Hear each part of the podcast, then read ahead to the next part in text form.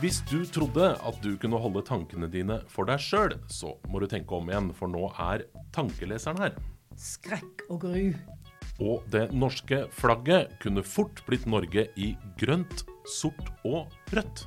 Om ikke en tegneglad tiåring hadde hatt vett til å male litt blått inn i det danske flagget. I dagens forskningspod kan vi også avsløre at vi har det med å undervurdere vår egen sjarm. Og det i selfienes tidsalder. Velkommen til en ny utgave av Forskningspodden som lages for forskning.no. Jeg heter Anne Sundevåg, og med meg i studio som vanlig redaksjonssjef Bjørnar Kjensli. Én krone for tankene dine, Bjørnar. Nei, du får ikke noe for en krone nå for tida, Anne. Men når det er sagt, det kan bli vanskeligere å holde tankene for seg selv i fremtiden. For amerikanske forskere har funnet en måte å lese tankene dine på. Nå er jo ikke ideen om at en maskin kan lese tankene våre helt ny. Vi får minne om at forskerne tidligere har klart å få til en enkel ja-nei-samtale ved å implantere elektroder i hjernen til mennesker som av en eller annen grunn har mistet taleevnen. Og i fjor så ble det lansert et system hvor pasienter kan stave beskjeder med én og én bokstav til en datamaskin på den måten. Men dette er ingenting mot det kvantespranget i tankelesing som en gruppe forskere ved universitetet i Texas i Austin nå har tatt. De har lagd en dekoder som kan lese både ord og mening i hjernen din. Og det uten noen former for elektroder inni hjernen. De har rett og slett laget et verktøy som kan lese tanker. Som kan forstå hva en person tenker bare ved å tolke aktiviteten, det som foregår i hjernen. Og det har de gjort ved hjelp av en funksjonell MR-maskin. For når du tenker på noe du vil si, så er det bestemte nettverk av nerveceller i hjernen din som er aktive. Og disse aktivitetsmønstrene de kan måles av en funksjonell MR-maskin. Mer konkret så skjer det ved at maskinen den måler hvor mye oksygen det er i blodet som strømmer gjennom hjernecellene. Og der det er mye oksygen, der jobber hjernen hardere. Og så har forskerne i Austin utviklet en dekoder, et dataverktøy, som bygger på store språkmodeller, ikke ulikt ChatGPT. Og språkmodellen gjetter på hva det neste ordet i en setning vil bli, basert på masse erfaring med språket. Og I dette tilfellet er dekoderen trent til å koble ord til hjerneaktivitet. Til å finne ut hvilke ord som tilsvarer hvilke type aktivitet som foregår i hjernen. Og De har testa dekoderen på tre tålmodige forsøkspersoner, som hver tilbrakte 16 timer inne i en sånn funksjonell MR-trommel mens de hørte på historier. De fleste fra en amerikansk podkast som heter The Moth Radio Hour. Og så sammenligna dekoderen hjerneaktiviteten med orda de hørte. Og Deretter fikk forsøkspersonene høre en helt ny historie, mens MR-maskinen registrerte hvordan hjernen jobbet. Og så kom 10 000 kroner-spørsmålet ville maskinen klare å gjenfortelle den historien bare ved å se på hjerneaktiviteten? Og det enkle og kanskje skremmende svaret, det er ja. I ganske stor grad. Dekoderen den kom ut med forståelige setninger som ofte fanget mye av meningen i fortellingene. Noen ganger til og med ordrette gjengivelser. Men som oftest så blei innholdet beskrevet med andre ord. Som når personen i fortellingen sier 'Jeg har ikke førerkort ennå, da oversetter dekoderen det til Hun har ikke engang begynt å lære å kjøre. Ja, det er ganske utrolig. I et annet forsøk så fikk forsøkspersonene se en video uten tekst eller tale. Bare bilder. Og da var også dekoderen i stand til å oppfatte mye av innholdet i historien ut fra aktiviteten i hjernen. Og det samme gjaldt når forsøkspersonene tenkte igjennom en historie som ingen utenforstående visste noe om. Dekoderen klarte å fange opp mye av innholdet. Og det selv om forsvarspersonene sikkert ikke tenkte historien ord for ord inni hodet. Det er jo ikke sånn vi tenker om hendelser. En av forskerne bak eh, den nye studien, Alexander Huff, sa på pressekonferansen da han presenterte denne studien, at han tror dekoderen fanger opp noe som er dypere enn språk. Altså tanker, ideer og bilder som dekoderen så oversetter til ord. Og Det kan også forklare hvorfor dekoderen ofte gjenga meningen med helt andre ord enn de som faktisk ble brukt i fortellingen. Men denne oppgaven er jo uansett formidabel, og det er forskerne enig i. De er selv overrasket over resultatene de fikk. Vi var ganske så sjokkert over at det virket så bra, sier en av de. For når MR-maskinen bruker blodgjennomstrømming for å måle aktivitet, så er det et ganske tregt mål For blodet beveger seg saktere enn den tiden det tar å si et ord. Så dekoderen må på en måte nøste opp språket.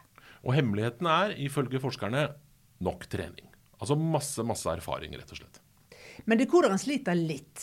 For selv om man gjerne får med seg handlingen i en fortelling, så bommer han på mange detaljer som kan være avgjørende for å skjønne meningen. Den er f.eks. veldig dårlig på personlige pronomen. Så han oppfatter ikke hvem som gjør ting med hvem, eller forskjellen på han og hun. Ja, og Dette er jo feil som kan skape store misforståelser, så det er mye arbeid som gjenstår. Men når teknikken videreutvikles, så kan den bli veldig nyttig for personer som har mista taleevnen, sier professor ved Universitetet i Bergen, Karsten Specht, som selv forsker på funksjonell MR. Som et eksempel så nevner han slagpasienter som ofte sliter med å snakke, at de da kan få hjelp til å uttrykke seg ved hjelp av denne nye typen teknologi. Men så er det fare for at teknologien kan bli misbrukt, sier Specht. For når vi beveger oss i retning av tankelesing, ja, da kan det selvfølgelig true retten til vårt mentale privatliv, om du vil. Ja, og Fri å bevare oss fra en maskin som kan lese de tankene som du helst vil ha for deg sjøl. Men per i dag så er det lite sannsynlig at dette verktøyet kan brukes til å lese tankene til noen som ikke vil det, sier forskerne bak studien. Dekoderen deres er avhengig av at personen i MR-maskinen samarbeider. Og den trenger mange timer med trening med den samme personen før den kan prestere. Forskerne klarte nemlig ikke å bruke treningsdata fra én person til å lese tankene til en annen person.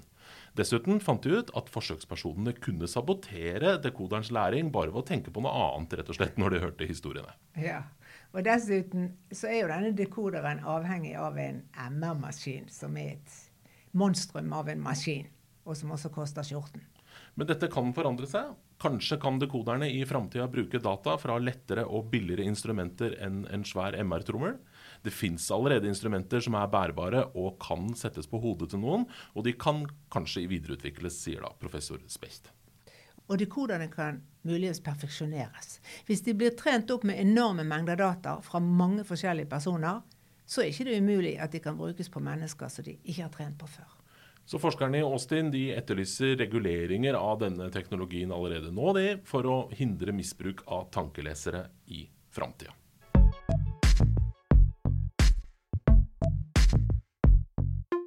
Vi er på tampen av mai, av månen i rødt, hvitt og blått. Men hvordan og hvorfor ble flagget vårt akkurat rødt, hvitt og blått? Det starta i 1814 med Grunnloven, Høsten 1814, da unionen med Sverige var et faktum og Stortinget forhandla med svenskene om detaljene, så fikk Stortinget grunnlovfesta at Norge har rett til å ha sitt eget handelsflagg. Mens orlogsflagget, som ble brukt av marinen og Forsvaret, det skulle være det gamle unionsflagget. Men så tok det noen år før de ble enige om hvordan det norske flagget skulle se ut. Og det var mange forskjellige forslag på bordet. Noen ville ha et flagg med løve i, for løven har vært i det norske riksvåpenet helt siden 1200-tallet. Da kong Eirik Magnusson ga løven krone på hodet og øks i hånden. Det var en gest til Olav den hellige. Mens andre foreslo en salig blanding av det svenske og danske flagget i fire ruter, eller en variant i grønt og svart med en gyllen løve inni en rød rute. Veldig rotete. Men da kom en liten tjuagutt oss til unnsetning. For i 1821 foreslo Fredrik Meltzer han var en svært så geskjeftig eidsvollsmann og stortingsrepresentant fra den bergenske handelsstanden. Han foreslo at flagget skulle ha et kors og være i rødt, hvitt og blått, sånn som vi kjenner det i dag. Og historien skal ha det til at det var ett av hans 13 barn som kom opp med den ideen. Ved å tegne et blått kors inni det danske flagget, Dannebrogen.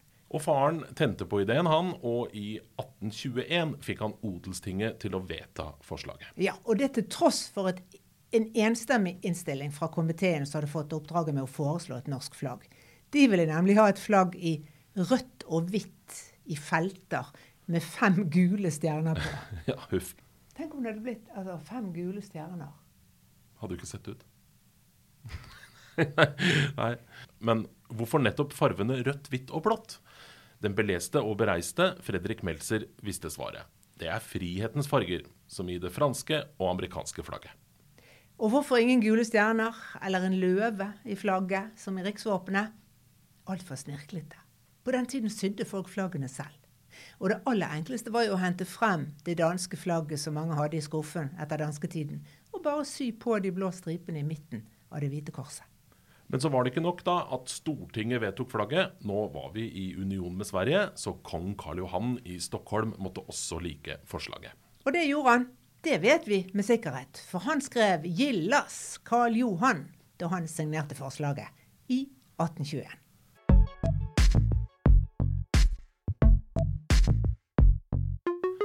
Hvor godt liker du egentlig meg, Anne? Hallo, hva er det for et spørsmål? Tenk om jeg ikke likte deg så godt. Ja, og Derfor er det sjelden vi drister oss til å stille akkurat det spørsmålet. For vi er jo gjerne usikre på om en annen person faktisk liker oss. Men kanskje vi engster oss unødvendig, for dette er det forska på. Det er amerikanske forskere igjen som har gjort en rekke forsøk hvor de har latt personer som aldri har møtt hverandre, møtes og snakkes. Og etter samtalen så har de spurt deltakerne hvor godt de likte samtalepartneren og hvor godt de trodde samtalepartneren likte de. Ja, og Svaret det er at vi undervurderer hvor godt likt vi er. Altså Vi tror at den andre liker oss dårligere enn det som faktisk er tilfellet. Og Da forskerne studerte forhold over tid, de brukte da studenter som bodde sammen i et studieår, så fant forskerne ut at dette liking gap, som de kaller det, varte nesten hele skoleåret. Det var først helt på slutten av året at studentenes oppfatning av hvor godt likt de var av sine medstudenter, stemte overens med hvor godt de faktisk var likt. Og hvorfor undervurderer vi vår egen sjarm? En grunn kan selvfølgelig være at vi er høflige eller beskjedne. At vi ikke tar sjansen på å fremstå så selvgode. Og når du snakker med personer som du ikke kjenner så godt, så er du jo mer forbeholden med å uttrykke det du egentlig føler og mener.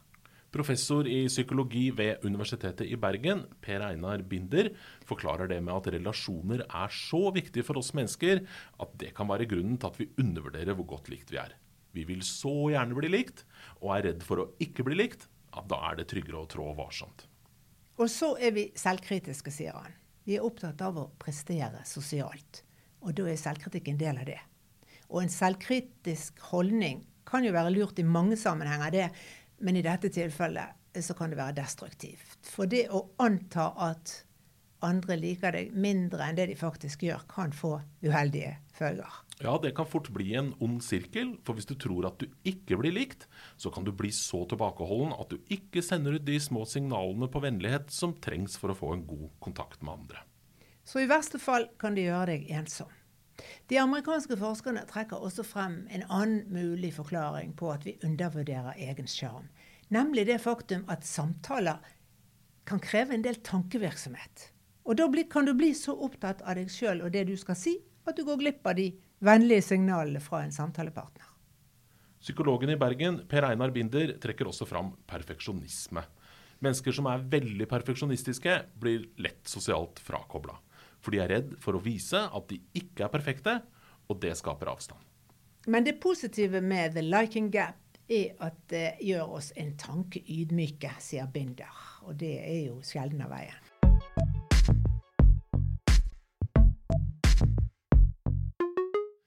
Til slutt, Anne, en gladnyhet for alle som har tenkt å leve lenge. Risikoen for å bli dement i alderdommen, den risikoen har sunket merkbart. Men det betyr slett ikke at det blir færre demente, for det samlede antall eldre som får demens, det øker. Likevel, du og jeg har større sjanse for å forbli klar i toppen langt inn i 90-årene, gitt at vi lever så lenge, enn våre foreldre hadde. Betydelig større sjanse, faktisk. Og dette er ingen motsetning, for grunnen til at det blir mange flere demente i årene som kommer, det er at vi lever lenger. Men for hver enkelt minsker risikoen for å miste grepet og begynne å røre når vi blir gamle. Og dette er en utvikling som har pågått i det stille i mange år nå. Forskere ved Universitetet i Gøteborg har gjennom 30 år fulgt ca. 1000 eldre mellom 85 og 90, som kom fra tre ulike kull som var født mellom år 1900 og 1930. Og Da ser de at forekomsten av demens har falt betydelig i løpet av disse 30 årene. Størst nedgang ser de for 88-årige gøteborgere. For dem er forekomsten halvert på 30 år. Så for å være helt presis har den falt fra 42% til 22% Og det er jo utrolig. Og forskere fra Uppsala universitet har gjort en lignende studie. I Nord-Sverige fulgte de til sammen 2200 personer gjennom 17 år, fra de var 85 til de lengstlevende rundet 95. Og de finner det samme som kollegaene i Gøteborg. Risikoen for å bli dement går gradvis ned på 2000-tallet for 85-åringene. Andelen demente 90-åringer minsker også, mens andelen demente blant 95-åringene er uforandret. Og den reelle nedgangen den kan være enda litt større, mener en av forskerne bak Uppsala-studien. For helsevesenet har blitt stadig flinkere til å oppdage demens blant eldre, og det i seg sjøl skulle bety at andelen eldre som får diagnosen dement, skulle bli større, ikke mindre. Og de svenske resultatene de samsvarer med en rekke tidligere studier. En samlestudie med data fra elleve land i Europa og Nord-Amerika som kom i 2020, viser at andel eldre som blir dement, har sunket hvert år siden 1998. Og Den viktigste årsaken, mener forskerne, det er at på 1900-tallet så får folk etter hvert mer og mer skolegang. Det å ta utdanning og bruke hjernen mye, særlig når vi er yngre, det gjør hjernen bedre rusta til å stå imot demens i alderdommen, tror forskerne. For det man ser, det er at nedgangen i demenssykdommer følger økningen i skolegang. Og særlig det faktum at stadig flere kvinner får mer utdanning utover på 1900-tallet, spiller inn her. For tallet fra Gøteborg viser størst nedgang i demens for kvinner. Så økt likestilling mellom kjønnene, også når det gjelder utdanning, ser ut til å være en viktig del av forklaringen. Ja, Men hva med å bruke hjernen mer seinere i livet også? Det har vi jo hørt skal være gunstig for å forebygge demens. Både det og fysisk aktivitet. Ja, det er ikke dumt å bruke hjernen og kroppen seinere i livet heller. Men det er antagelig i årene som nokså ung at du får skikkelig god effekt av læring. At det er da du ruster hjernecellene for alderdommen, sier forskerne. Men det fins også andre årsaker til at hjernen holder seg frisk lenger. På 2000-tallet, mener de.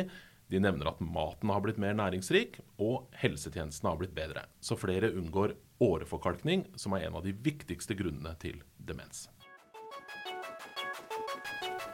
Forskningspodden er laget for forskning.no. Jeg heter Anne Sønnevåg. Og jeg heter Bjørnar Kjensli. Takk for at du hører på.